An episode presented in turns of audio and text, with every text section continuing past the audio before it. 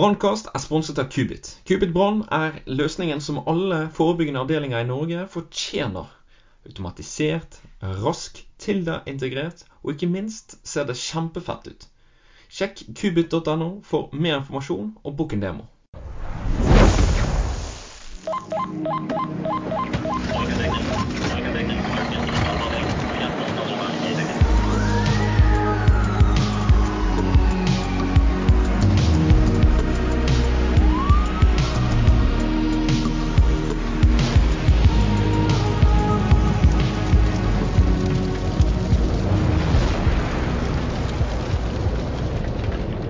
Velkommen tilbake alle sammen til en ny episode av Brannkast. I dag er tema for episoden brannskader, Ski Ilden og Burncamp.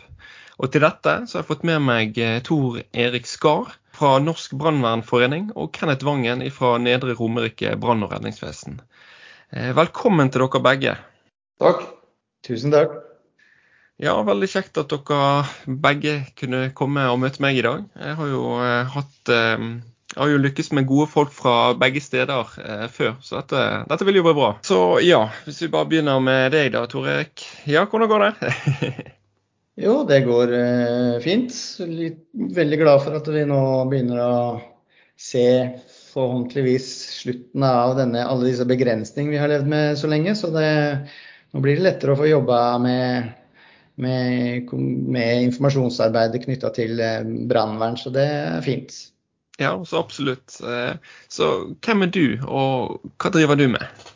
Jeg er kommunikasjonsrådgiver i Norsk brannvernforening. Jeg har jobba der nå i 15 år, eh, og jobber i stor grad med eh, forebyggende informasjonskampanjer til, for alle publikum i Norge, da. Ja, veldig bra. Og hva med deg da, Kenneth? Går det fint med deg? Her går det veldig bra med. Travle, travle dager. Det er sånn det skal være. Ja. og Kan du la lytteren bli litt kjent med deg òg? Jeg eh, er eh, ansatt eh, Nedre Romerike brann- og redningsvesen som brigadeleder. Og fungerer også som innsatsleder. Er for tida ansatt i DSB på brannskolen i Nord-Norge, hvor jeg har ledelse B. Prøver å bidra litt på alle kurs, egentlig. Eh, I tillegg så er jeg også da nestleder i Norsk forening for eh, brannskadde. Og så er jeg da eh, prosjektleder sammen med Tor Erik da i Skyilden-prosjektet. Ja, og så hva er Skyilden egentlig?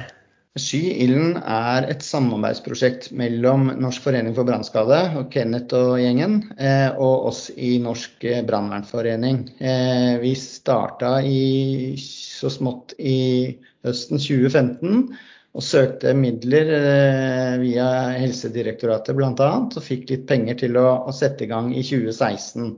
Og siden har vi siden har vi jobba med prosjektet Sky ilden. Og tanken er jo at vi ønsker å jobbe med to problemstillinger, eller to, eh, to målretninger. Det ene er å forebygge brannskader, eh, og det andre er å informere om eh, hva man skal gjøre hvis ulykken likevel er ute, da. Mm, ja, veldig bra. Ja, det er jo eh, litt derfor jeg har lyst til å lage denne episoden, for å på en måte få det også fram. da. Og så, Kenneth, du var jo også inne på det her med burncamp. da. Eh, hva er egentlig eh, dette? Det er, eh, Burncamp er et uh, prosjekt uh, av, uh, fra Norsk forening for brannskadde. Hvor brannskadde Fortrinnsvis tidligere så var det barn som møttes på en sommerleir. Brannskadde barn som møttes på sommerleir. For, eh, men nå har vi i seinere år utvida med både en eh, sånn camp for voksne og også for familier. Og det er jo fordi at uh, dette med brannskader er uh, kan jo være en ganske alvorlig hendelse, men det gjør at du blir senest litt annerledes ut. Uh, det er jo forbundet med mye arr og ja, forhold til smertefullt å bli utsatt for. I hvert fall både små og store brannskader, egentlig. Og det har en ganske stor innvirkning på livet. Og det å, å treffe andre i samme situasjon uh, for gjennom det å kunne mestre både hverdag og, og annet uh, det, det er bra. Så det er kort sagt det burncamp er. Det er en mestringsleir. Mm. Mm. Ja, det er jo fint å møte andre mennesker som står i samme situasjon som eh, deg. Så absolutt. Uh, er det jo også sånn at vi, vi har Derfor er det veldig bra også for oss i Norsk forening for brannskade å være med i det Skylen-prosjektet. For å forebygge at dette kunne være med å forebygge dette her. Fordi vi, vi ser jo særlig gjennom Burncamp at dette får en ganske stor innvirkning på mange. Én ting er den som blir utsatt for brannskaden, men det er ofte Det kommer du sikkert litt tilbake på, men eh, de som blir skada av, eh, av, dette, er jo ofte unger som bare får en kaffekopp på seg. Og det er klart at eh, man skal få hele livet forandra pga. en kaffekopp. Det, at det kan forebygges, det, og at vi kan få lov å være med på det, det syns vi er veldig stort. Ja, ja det er det. Hvordan er det egentlig med brannskader i Norge, egentlig? Jo, når vi satte i gang dette prosjektet, så var vi faktisk eh, litt usikre sjøl på, det, på liksom eh, det hele, eh, hele, bildet. Hvor mange er det som faktisk blir brannskadd i Norge? Men så greide vi å finne en løsning på, på det. Vi, via Helsedirektoratet og Helfo-systemet, fastlegeordningen bl.a., så fant vi ut at eh, det er en egen diagnosekode på brannskader. Så vi fant ut hvor mange som blir behandlet eh, i primærhelsetjenesten i Norge. Eh, og det viser seg at et normalår så er det 15 000 personer i Norge som blir behandlet for brannskader. Og og det er altså gjennom fastlege og, og, og, og legevaktene, da. Ja, OK. Ja, det, er jo en, det er jo en del, det. Ja, det er ganske mange. Det, det er 50 eh, personer om Skal vi se, hva blir det for noe? Jeg har det husker jeg i farta ikke. Jo, kom igjen. Ta 15 000, det er egentlig bare litt interessant. Det er nesten mer interessant å vite hvem som blir skada. Ja. For, det er, for, det medfører eh, enda mer lidelse, holdt jeg på å si. For det er jo både foreldre og altså det er jo barn som stort sett blir skadd. Og en stor andel av dem er under fire år. Det er jo mhm. ikke sånn at de eh, barna som er under eh, fire, går og brannskader seg sjøl, på en måte. Det er jo i hvert fall noen som føler ansvar for den brannskaden. Og det er ofte foreldre eller besteforeldre og det vi ser, og En av årsakene til at vi har starta Burncamp for familier, så at noen skal få treffe hverandre i samme situasjon, ikke sant? Det er, det er jo nettopp derfor. Det, det, å ha en, det å ha en Jeg har jo en, jeg er også blitt brannskadd, men det er jo i brann på jobben. Og det er klart at Hadde den skaden min hadde jeg påført den skaden på en av mine barn ved hjelp av en kaffekopp eller varmt badevann eller sånt som vi ser, så hadde nok jeg slitt veldig med det uh, med meg sjøl. Mm. Sånn at uh, de 15 000 uh, Jeg tror ikke vi overdriver hvis kanskje 10 000 av de er barn. Mm. Og det er klart at da sitter du med det, potensielt 20 000 uh, foreldre hvert eneste år som sitter med forholdsvis djup dårlig samvittighet pga. dette her. Og noen av dem har jo skada barna sine for livet. Og det, og det, som er også spesielt med dette, jeg har jo, når, når, det er så mange, så har vi da gjennom prosjektet her prøvd å få foreldre til å stille opp da, og fortelle om hvor lett, hvor fort dette skjer. For det skjer veldig fort. Man skal ikke ha så fryktelig dårlig samvittighet for dette her, men, men man skal tenke litt gjennom det på forhånd når man, når man får barn, at dette her er noe som kan skje. Men, men, eh, men vi får ikke noen til å stille opp og sånt. Og da får vi heller ikke mediepublisitet på det. For det er ingen som ønsker å stå i VG eller i Dagbladet ja, jeg brannskadde barnet mitt. Det er, veldig, det er et veldig stigma rundt det. Så, så, det å få dette her på banen både gjennom denne her podkasten og, og, andre steder, da, uh, gjennom brannvesenet etter hvert, og, og, også helsetjenesten, at de kan uh, Vi er jo ute på helsestasjoner og sånn. Utrolig viktig. Og den her, den, denne her, eh, statistikken her, den kan vi gjøre noe med. Mm, absolutt. Det er jo litt det med den burncampen at du får liksom Du kan møte andre som kan bli dine nye støttespillere også. sånn at Her har jeg en annen som jeg kan på en måte snakke med pga. det som har skjedd. da. Eh, og det er gjerne lettere å snakke med folk som har vært i eh, samme situasjon, enn folk som ikke har vært der. Eh, det tenker nå i hvert fall jeg. Ja, det er jo ikke noe tvil om. Samtidig så er det sånn at uh, for de som er på Burnercamp, så er det på mange måter litt for seint. Uh, mm. Så da, da, er vi over der at vi må gjøre det beste ut av det. Mm. Sånn, blir, sånn, blir det jo i Brann nå. Det er jo, det er jo, vi som jobber ute i den skarpe, skarpe enden, som blir sett på som uh, de store heltene som slokker brann. Men når den brannen er oppstått, så er det jo for seint. Det er jo de på forebyggende som virkelig kan gjøre den store forskjellen på brannfronten. Når det først begynner å brenne, så er liksom, da er løpet kjørt. Og sånn er det med brannskader også. Forebygging er utrolig viktig. Og det er jo det vi driver med nå. Men jeg og Tor Erik klarer jo ikke dette sjøl. Så vi er jo nødt til å få med oss andre. Foreløpig har vi 100 brannvesen med i prosjektet. Eh, de, eh, målet er jo å få de til bl.a. når, eh, når brannforebyggerne, som det heter nå, kommer rundt i eneboliger for å se på for å gå tilsyn.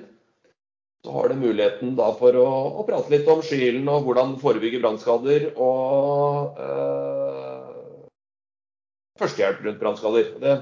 Vi har funnet ut at det tar ca. to minutter. Hvis man gjør det i to minutter i hvert eneste hjem, så tror jeg at vi kan se en eh, forskjell på denne statistikken om ikke altfor lenge. Ja, det håper jeg. Det håper jeg virkelig. Og det, det er viktig det å få ned disse her og forebygge. Så eh, det er absolutt. Og det er jo det er jo litt av den grunnen til at jeg ønsker å lage denne episoden. For å på en måte gi dere eh, en mulighet til å nå ut fram og opp, og at vi kan snakke om dette. For jo mer vi snakker om det, jo mer eh, klargjort blir det da, for eh, de fleste. Og altså, Noe av det brannvesenet jobber mot, da, det er jo rett og slett brannskader. Så det kan jo være greit å vite hva eh, det er, og hvordan man forebygger dette. Og hva slags muligheter man har da hvis man har fått en brannskade. Så ja, jeg tenker jo vi kan begynne litt på det basice. Hva innebærer en eh, brannskade, Kenneth?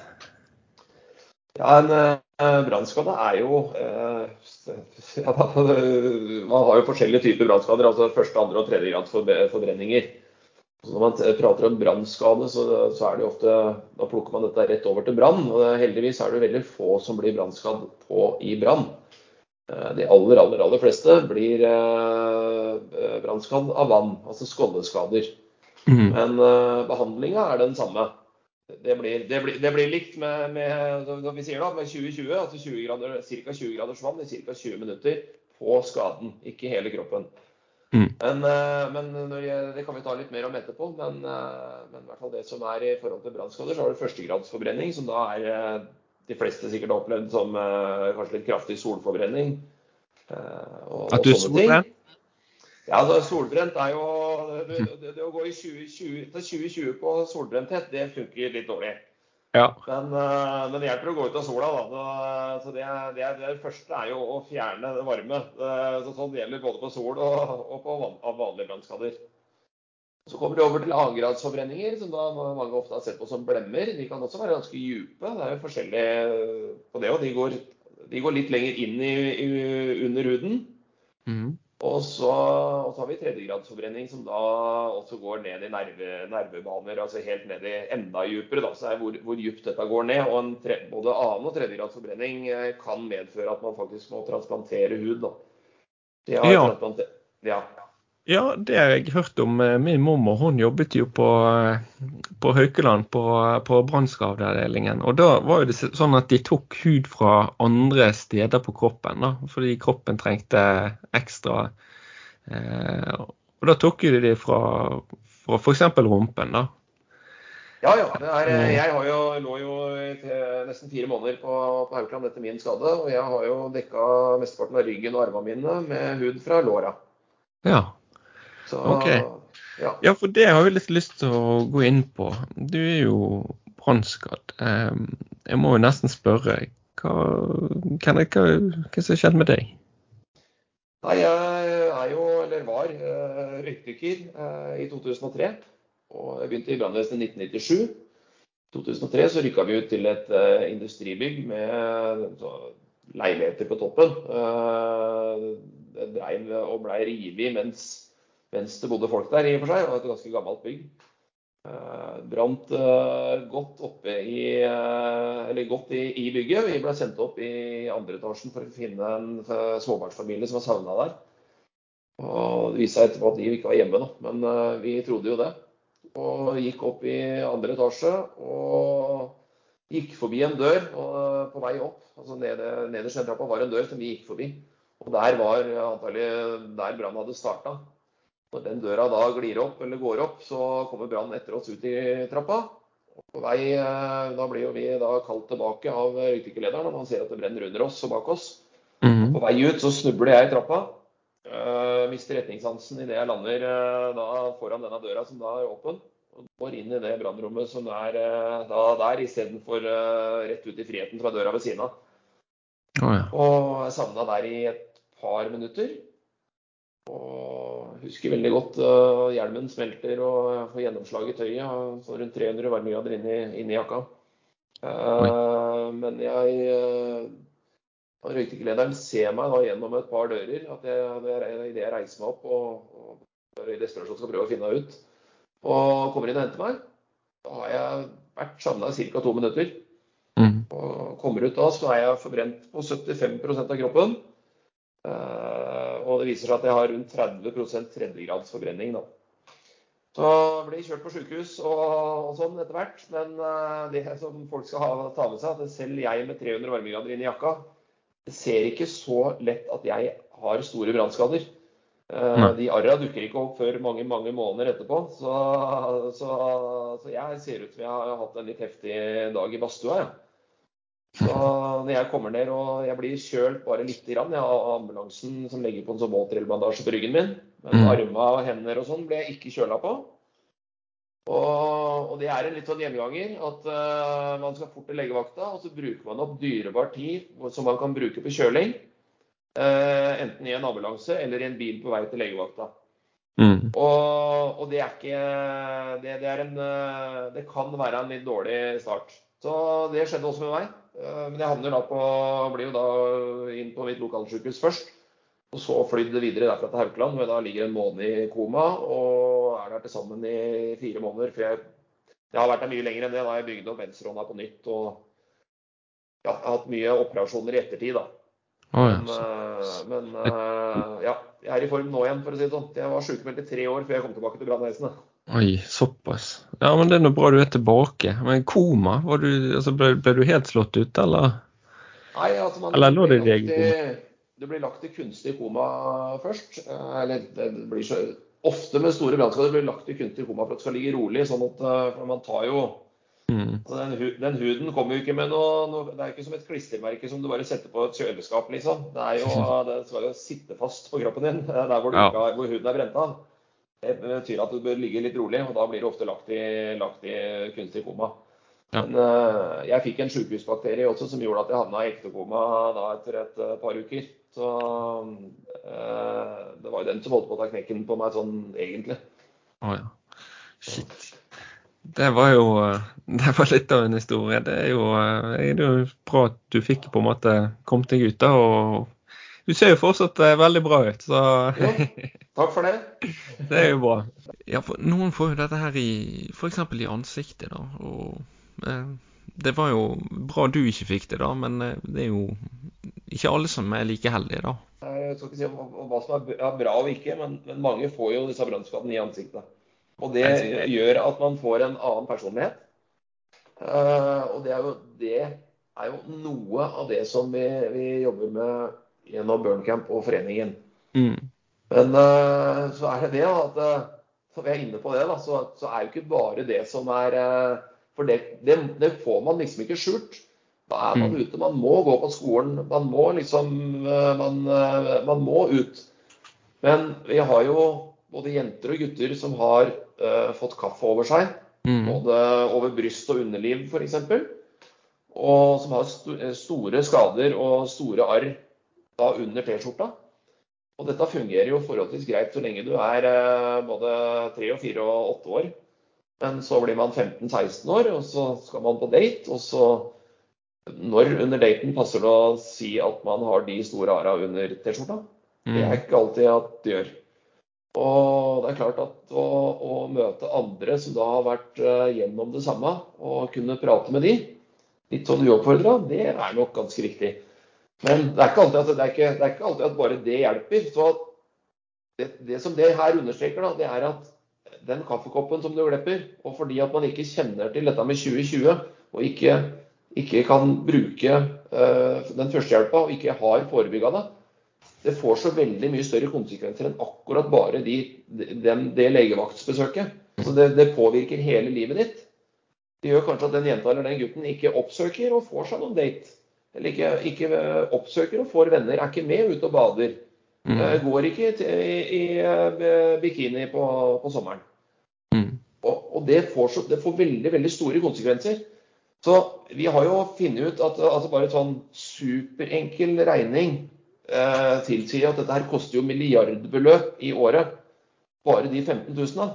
Mm. Men, men, nå er det jo sånn det er snart et år over, og det er jo nytt på nytt 15 000 i år mest sannsynlig. Og så Neste år så vet vi at det blir enda 15 000. Ja. Så det som koster milliardbeløp hvert eneste år bare i behandling, det drar seg på og drar seg på og drar seg på. Vi, eh, vi, eh, vi, håper jo det at vi etter hvert nå kan komme inn og få uh, såpass finansiering at vi sånn som nå er det både det er dugnadsarbeid både fra, fra Brannvernforeningen og fra Norsk forening for brannskade gjennom oss to. Og vi håper at etter hvert nå at vi kan komme inn og få såpass med støtte at vi, at vi kunne fått ansatt minimum én person bare til å følge opp disse forskjellige prosjektene som vi har. Eh, og kunne sette inn litt støtet på dette her. Og, og dette er jo ekstremt lett målbart. Mm. Hvis vi eh, hadde fått en prosjektstilling på fem år og klart å få ned brannskadene fra, fra, 15 til 10 000 i året, da. Det hadde jo vært helt vanvittig. Det er 5000 som slipper å, slipper å, gjennomgå dette her sånn. Pluss at vi kanskje kunne fått eh, da forebygga en del av de alvorlige skadene som også havner på Haukeland. da. Så de mm. kan, det, er, det er mer enn nok som disse legene på Haukeland kan drive og operere på andre ting enn brannskader. Vi må ikke serve dem med brannskader for at de skal De blir ikke arbeidsledige, men vi vil gjerne prøve. Ja, absolutt. Ja. Det du sier om det her med disse skadene, og at folk på en måte unngår eh, eller kan unngå visse ting, da. Jeg syns det er så synd, for jeg har, jo møtt så mange mennesker der ute eh, som har et eller annet problem. Som er Det trenger ikke være en brannskade, det, det kan være alt mulig. og de, de, jeg har merket at de er så snille og ydmyke og alt det der. Altså, det er liksom ordentlige mennesker, men folk kan, noen folk kan bli litt sånn skremt av det. Det viser seg faktisk at det er uh, også helt vanlige mennesker som blir brannskadd. Vanlige mennesker som blir syke også. Så, så det, det, det, det, er faktisk unger på den burncampen som er helt håpløse også. Så, mm. og, og, noen er veldig ålreite. Det er helt, helt vanlige unger, men de har en brannskade. Ja. men ofte så ser man ikke man ser ikke hvem du er. Mange klarer ikke å se forbi brannskaden. og Uansett mm. hvordan man snur og vender på det, så er brannskaden det første man ser. Og selv om jeg har eh, ganske massive brannskader rundt på kroppen, så jeg jo ser jo på, på, folk som eh, ser annerledes ut, jeg også. Jeg tar meg jo inn i det som alle andre. og det, det, er, det, er, sånn, Den jobben du må gjøre, den er ikke Den, den må du gjøre med deg sjøl. Altså, jeg mm. må akseptere brannskadene mine og møte verden og uten at jeg tenker at jeg har de brannskadene. Mm. For jeg klarer ikke, og Det klarer ikke Skyld-prosjektet og det klarer ikke Norsk forening for eh, brannskade eller Burncamp heller. Å forandre hele verden sånn at man tenker at ja, brannskader det er helt greit å se på. Mm. Men jeg må forandre meg sjøl. Jeg takler å vise fram mine brannskader. Da må resten av verden takle at jeg gjør det. Det er, det du, det, det er litt der vi er. Ja, jeg er enig. Veldig bra. Um, var jo, du var jo litt inne på det her, da, men hvis vi får en Du snakket jo om her med forskjell på grad, da. Og du var jo litt inne på her med hvordan du ble behandlet. Men hvordan skal man egentlig behandle en, en, en, en brannskade? Altså, det vi sier er jo eh, 2020. Og det er 20 graders vann i, eh, i 20 minutter. Det er ikke vi som sier det, det er Haukeland som har kommet med det. Men utfordringa med alle skader er at alle som er utsatt for massive skader Nå prater vi ikke helt, altså Det går helt greit å bruke dette her hvis du brenner deg på en finger eller eh, litt på, på en tå, liksom. Mm. Men det vi prater om her nå, er store brannskader. Kanskje over 30-40% av kroppen. Og eh, altså, mer enn det også. Og da må man kjøle skaden. Men det er så viktig å holde pasienten varm. Og det er det jo også på trafikkulykker. Det er det hvis noen får indre blødninger eller slag eller hjerteinfarkt. Alt er viktig å holde eh, varmen i kroppen. Jo mer man senker temperaturen i kroppen, jo vanskeligere blir det for kroppen å hile seg. Eh, det er ikke sikkert det er helt riktig, men jeg tror at hvis du senker kroppstemperaturen med to grader, så halverer du blodets evne til å koagulere, altså og, og, til å gro. da. Og, og, det kommer ikke tilbake sånn, selv om du bare varmer opp pasienten, så kommer ikke det tilbake med det samme. Så Derfor mm. er det å holde seg varm også så viktig. Og da er vi jo inne på to motpoler her. da, så skal du først kjøle med 2020, og så i tillegg skal du holde pasienten varm. Ja, Det hørtes litt vanskelig ut. Ja, det, ja, samtidig som det, så er man eh, Det går jo faktisk an å ta på seg en del uh, Ha en dyne over f.eks. og bare kjøle en arm. Mm. Eller bare kjøre, kjøle halsen, ikke dytte hele ungen i et badekar eller i dusjen, men bare kjøle brannskaden.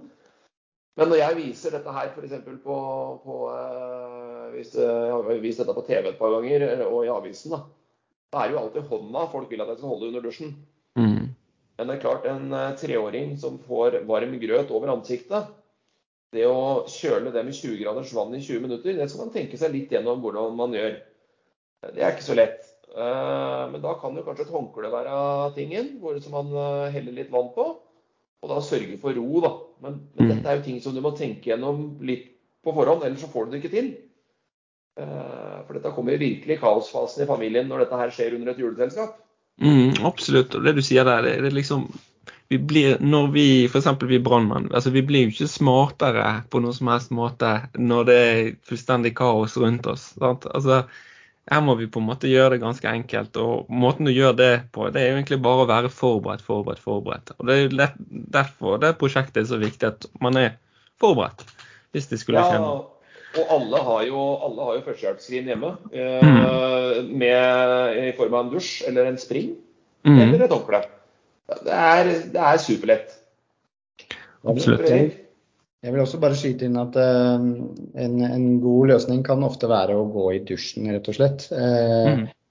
med, med, den som blir brannskadd. Uh, og justere temperaturen på vannet. og det er, jo, det er, jo, ingen som forventer at man skal stå med et gradestokk og, og skru det akkurat til 20 grader, men at 20 grader er, oppleves litt kaldt, men ikke ikke iskaldt, men såpass kaldt at det kjøler godt. Eh, men ikke kaldere enn at du kan stå der da, i, i ca. 20 minutter. Så det, så det 2020 er jo egentlig en cirka-benevnelse. Det er ca. 20 grader i, i ca. 20 minutter. da. Men, eh, men, jeg har lyst til å bruke et bilde som vi, som vi, har brukt ganske mange ganger, og det er dette med egg.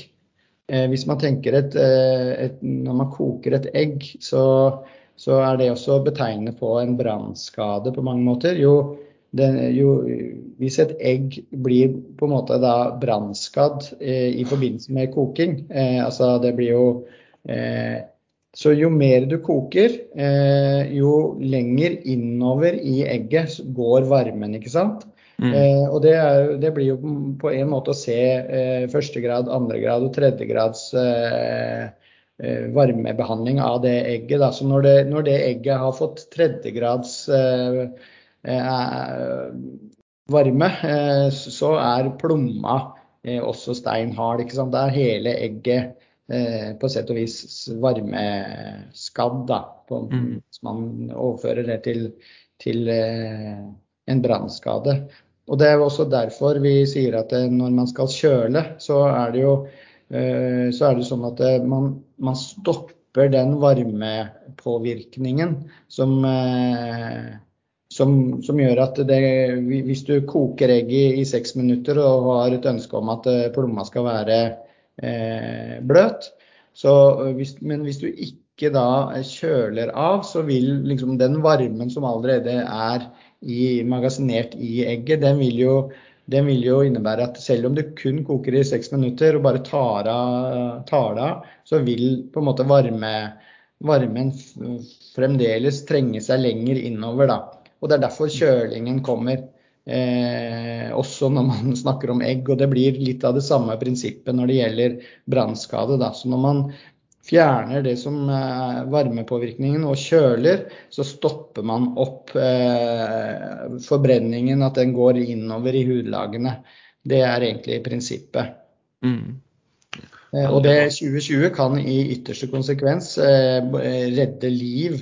For det kan bli så galt fatt at eh, hvis man ikke får riktig kjøling eh, ganske umiddelbart, så, så, kan det i verste fall altså Du vil i hvert fall kunne redde veldig mye av, eh, av det området som blir skadd. Eh, og du vil i ytterste konsekvens også kunne redde liv. Mm. Men når dere kjøler det, det er kanskje litt vanskelig spørsmål, men når dere kjøler det Du nevner jo dette her med at du kan redde mye mer eh, Altså hvis du har god kjøling da, av eh, brannstedet. Altså hvordan vil huden Eller altså vil ikke det fortsatt være forbrent, eller hva, hva, mener du liksom med at du kan redde Eller må det fjernes? Jeg er bare eh, Nei, eh, jeg kan jo svare litt på det. Ja. Det, er, det, som er, er, at, eh, er jo at uh, kroppen den har en helt unik måte til å heale seg sjøl. Mm. Uh, så er det klart du får en brannskade. Sånn er det jo når du er uh, for en førstegradsforbrenning med solforbrenning. Da. Så vil du jo nok etter hvert flasse. Og da kommer jo ny hud under. Og sånn er det jo med en, med en førstegradsforbrenning. Sånn blir det med en annengradsforbrenning. Men når det blir for stort, så er problemet er at det kommer bakterier inn. Mm. Og så får du infeksjon, og så blir dette her bare surr. Og så da må du, må du oppsøke lege og legevakt. Eh, og, og til ytterste konsekvens også sykehuset. Så, men kroppen healer seg sjøl eh, hvis det ikke er for skada da gjelder å få stoppa den eh, skaden. Altså, jeg klarer jo å ta på Jeg klarer å legge hånda mi på, på skopeplata i et sekund. Men holder jeg den der i ett minutt, så er jeg jo litt ute å kjøre. Og sånn blir det jo egentlig med dette her òg. At hvis man blir utsatt for det, så må man få, få noe fort noe kaldt på, sånn at det ikke går videre lenger inn. da. Ja, OK. Ja. Mm. Så stoppe, hindre, og så på en måte Ja, OK. Ja, men da lærte jeg noe òg. Her kan du se. Ja. Um, er det noe annet som er på en måte viktig i forhold til behandling? Altså, Vi har jo mye sånn utstyr, ikke bare kjøling, men altså, vi, vi, ser jo også her uh, i førstehjelpsbagen så er det ofte sånn burn gel. Uh, er det noe fortsatt man bruker, eller? Ja, det er jo uten tvil så kan man bruke burn gel. Uh, det, men det, det, er i, det, er, det, fint å bruke burn gel uh, i den grad at man uh, da kan man ta på det, og så kan man kjøre til sykehuset eller til legevakta. Mm. Men vann er nå en gang greiere, bedre. Og så er det det at når, når man sier 2020 så er, det, så er, det, ikke sånn at det er bedre å bruke 2030 eller 2050 eller 2060 det er 2020. Etter 20 minutter så, så, trenger man ikke kjøle mer. Men det man ofte ser hvis man har eh, altså Selvsagt på en hånd, da, så er det jo ikke noe problem å ta på burngel. Men hvis du har burngel på 30-40% av kroppen, og du bruker en time til sykehus, eh, da er du kald når du kommer på sykehuset. Mm. Da, da, er du faktisk kjølt litt for mye, og da er du inne på den problematikken som jeg prata om i stad, at du rett og slett blir for kald. Eh, og det er ikke noe bra for videre arbeid. og Det er derfor man, det er helt greit å gå i dusjen eh, hvis man har en stor brannskade, men man skal prøve å, å, behandle den skaden der han er, og ikke, ikke det som er utafor. Du trenger ikke kjøle hele kroppen. Det er kun brannskaden. Men ikke lenger enn i 20 minutter, fordi det, det, da, det, det er ikke noe heldig for pasienten. Nei, for da er det mer mot hypotermi, altså at du begynner å Ja. Nettopp. Og man, man på har man sett flere ganger at man får inn særlig barn, som da for det første får ganske store brannskader selv med en altså, eh, altså, Min hånd er jo ca. 1, 1 En håndflate er 1 brannskade.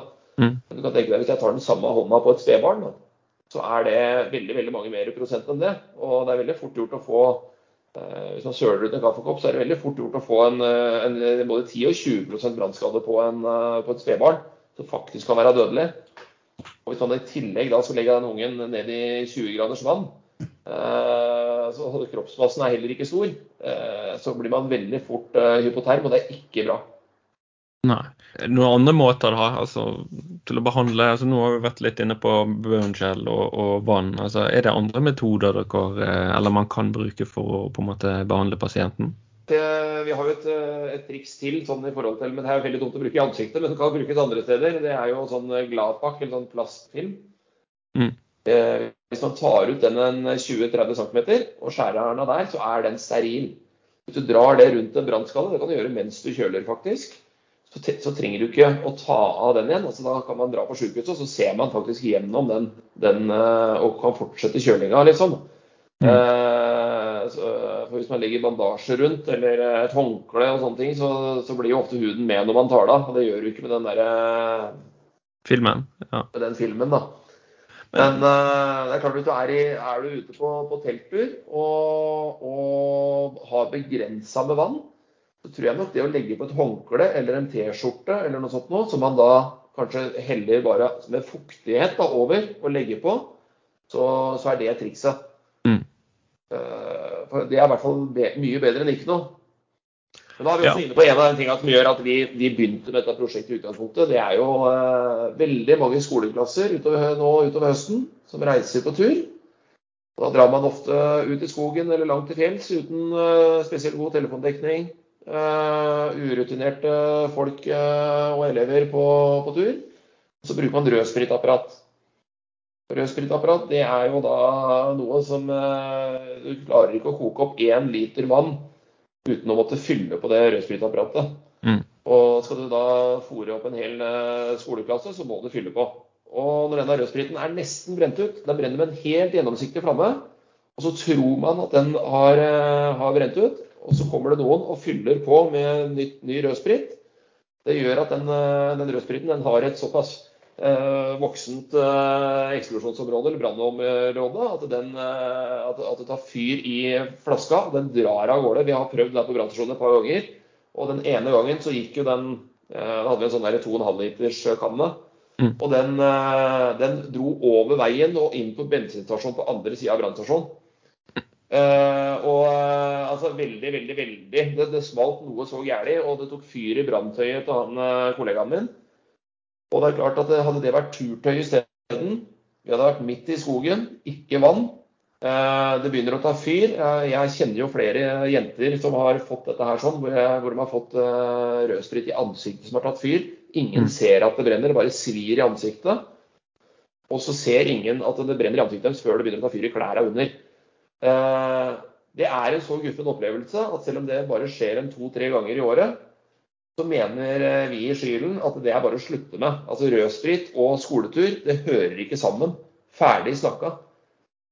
Så, så, så, så, her er det veldig mye. Det er veldig mye vi kan ta tak i. Altså, det er alt fra kaffekopper til grøt til rødsprit til badevann. Eh, det er, så mange tragiske skjebner bak, eh, bak disse 15 000-tallene mm. at det må opp og fram.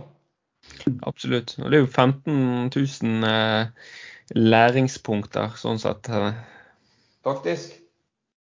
Så det er jo eh, veldig bra. Um, nå har vi vært litt inne her på det med behandling, da. Men eh, kan dere fortelle litt hva man ikke skal gjøre? Altså, du nevnte jo det her med å, å vete klærne. Da antar jeg at du ikke bør Ja, eller gjerne fortell. Ja, jeg må bare ta litt fordi at uh, hvis man er, er, solbrent, så tar man jo på aloe vera og noen tar tannkrem og alt mulig rart på, på huden.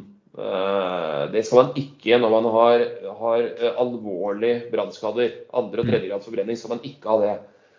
Årsaken til det er at det, altså det er ikke noe heldig. Det, det må uansett av, og det, og det, kompliserer veldig når det kommer inn på Haukeland. Det, er ikke noe vi har funnet på. Det er, det er kirurgene på Haukeland som har bedt oss gå ut med det.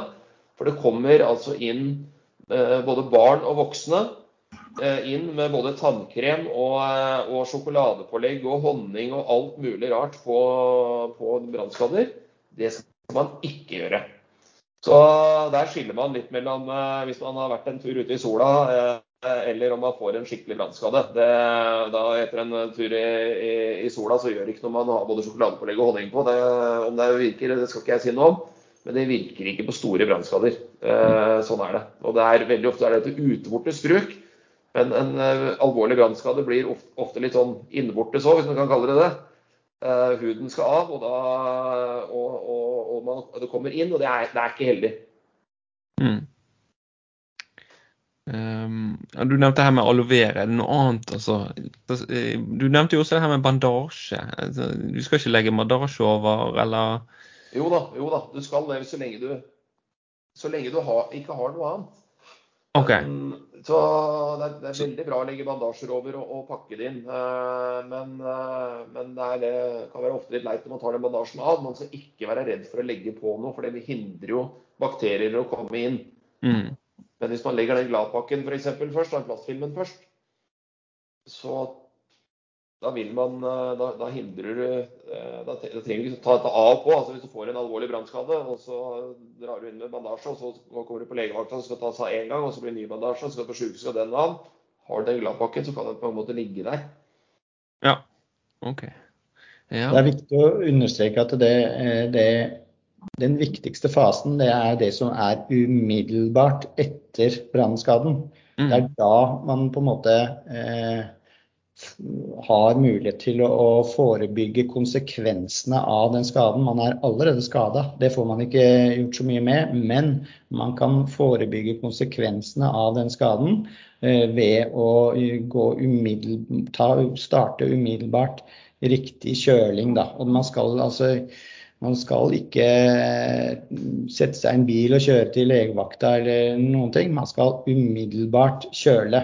Man kan, hvis man greier begge deler samtidig, så er jo det veldig fint. Hvis man kan eh, ha, ha, ha, noe kjølende og komme seg av gårde, så er det bra. Men det, det er viktigere å kjøle enn å komme, som Kenneth var inne på i stad, enn noe annet. Og vi, vi, vi har jo sett eksempler. Vi har et vi har en liten bildeserie som består av to bilder eh, som vi la ut på Facebook eh, for et par år tilbake. Eh, som er en lita jente som, som ble brannskadd. Du ser huden hennes eh, på overkroppen eh, og, nedover, eh, nedover. Så ser du at hun er betydelig brannskadd, men hun fikk umiddelbar og riktig kjøling. Og så ser man et bilde tatt et par måneder etterpå at det, det, er bare et lite arr igjen. Og når hun er blitt voksen, så, så, vil det arret antagelig også bli borte. Hvis det hadde vært slik at hun ikke hadde fått eh, umiddelbar og riktig kjøling, så ville hun ganske sikkert hatt betydelig arr over hele kroppen resten av sitt liv. Og det er sånn at det med å, det med å, den, å gjøre det først, og så kan man begynne å behandle skaden etterpå. Eh, kjøling er det vesentlige her. Rett og slett. Ja, absolutt. Eh, jeg er helt enig. Jeg måtte Med en gang du sa det, så måtte jeg eh, løpe og finne bildet. Så jeg fikk sett det litt nå. Eller jeg fikk sett noe, i hvert fall. Så jeg håper jeg fant det. Det kan, når vi først er inne på det bildet, så vi har jo lagt ut noen poster de siste tida, så har vi ikke vært så aktive der. Men, men vi la ut, noen, la ut, det bildet på Facebook for noen år tilbake. Mm. Og det fikk i løpet av eh, bare et par ukers tid, så var det over 500 000 personer som hadde sett det bildet. Og, og over 3000 som hadde delt det videre osv. Så, videre. så det gikk skikkelig viralt. det den bildeserien. Og vi er jo, når det gjelder brannskade, så er det ikke noe tvil om at det, eh, i forbindelse med kampanjer og, og forebygging og eh, osv. Så, videre, så, så trykker vi opp en del forskjellige ting. Eh, og vi er litt Man kan jo bruke ganske groteske bilder av brannskader. Det, det finnes jo. Men det, det, er ikke stilig det å presentere det eh, bestandig. Så vi er litt forsiktige med, bruke, med bildebruk. Men akkurat det bildet lot vi, eh, kjørte vi et forsøk på eh, og la ut. Og det fikk altså fullstendig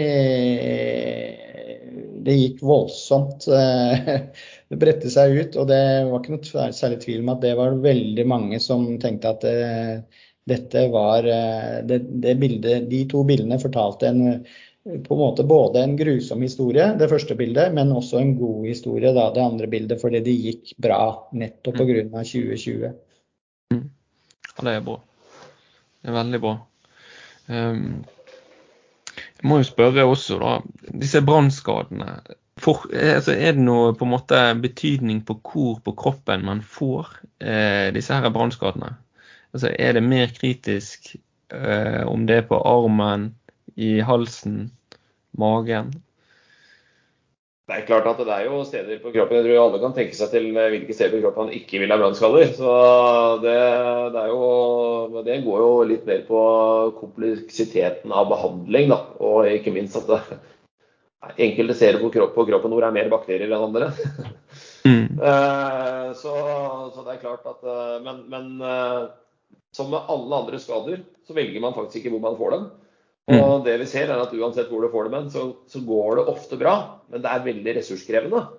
Uh, og det er klart at Selv om man skal ha det på armen, så armen beveger man veldig mye. Og den huden den er ikke så bevegbar. og det er, uh, så, Men om det er noe bedre å få det på magen eller på rumpa eller uh, i ansiktet, det, det, er det generelt sett ikke. Så, så det her igjen viser at det er viktig å forebygge. Man skal ikke ha noe brannskader noe sted.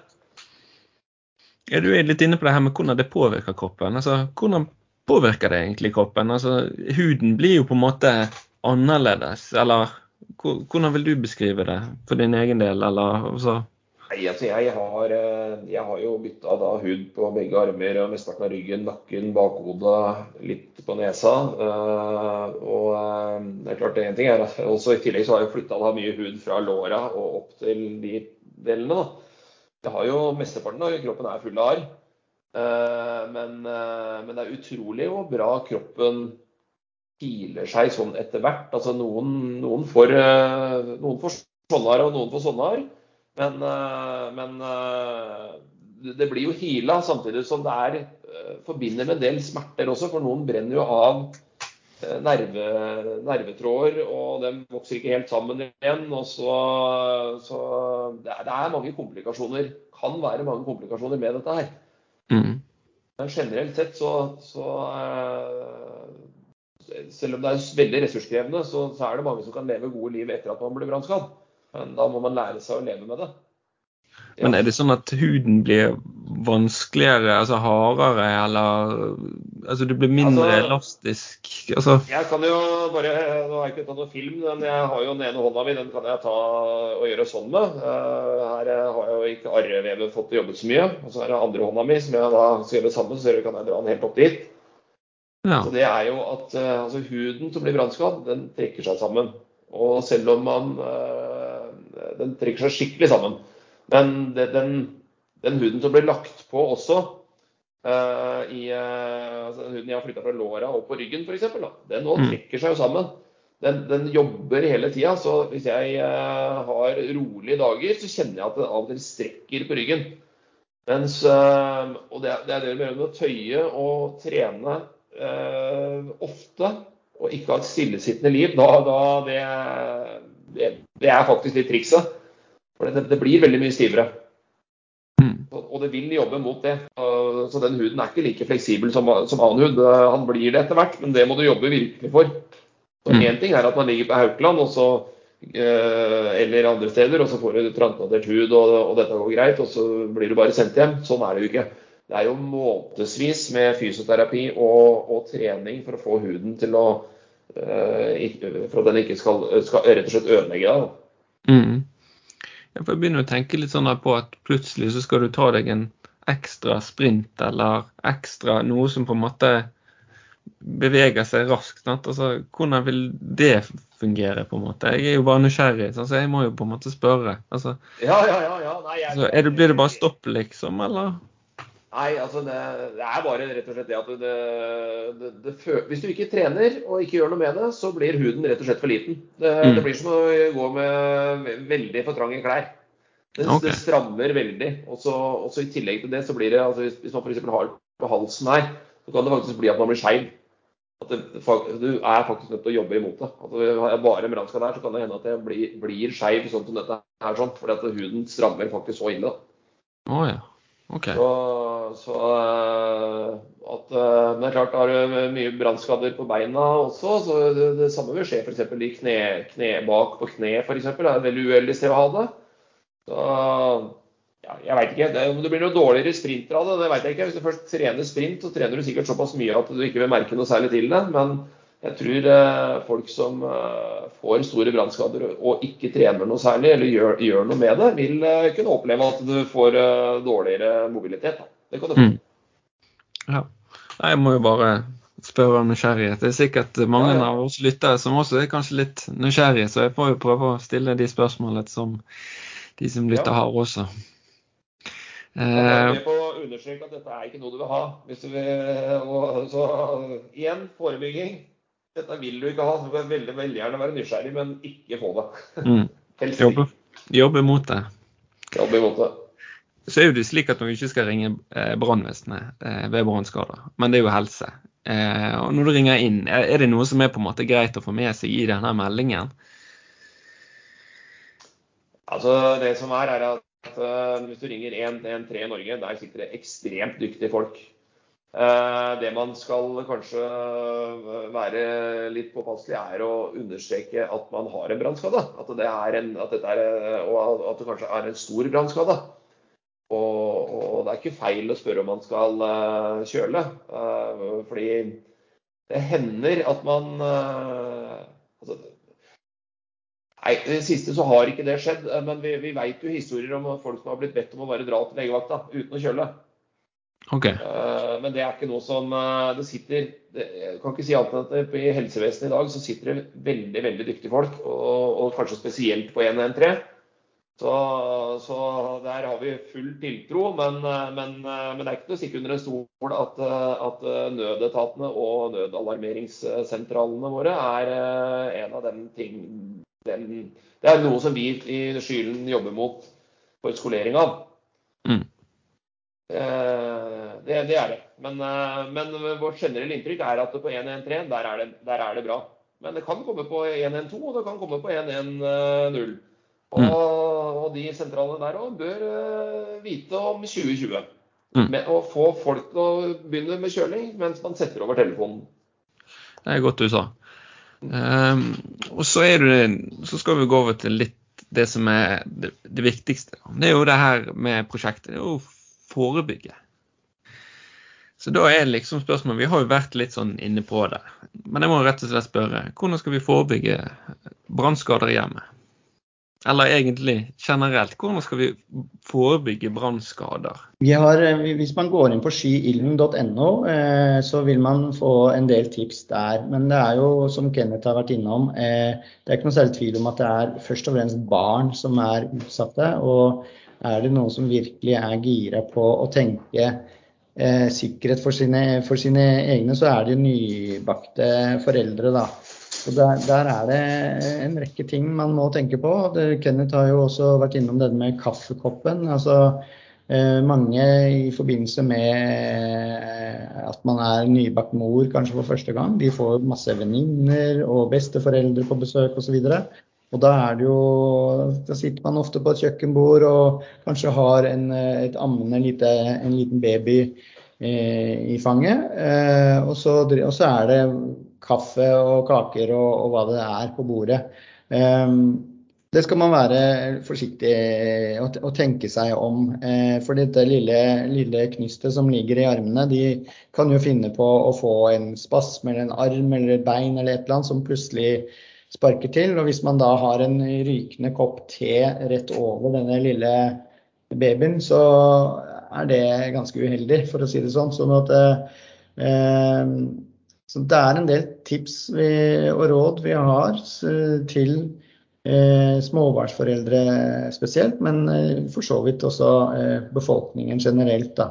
Eh, og det med amming og drikking av varm, varm ting er en, er, varme drikker er én ting.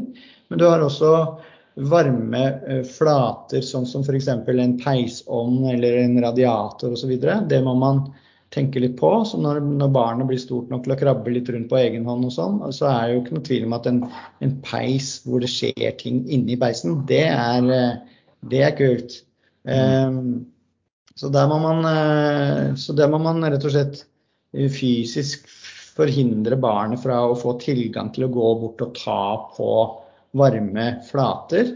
Uh, så det er, det er, noe man må tenke på.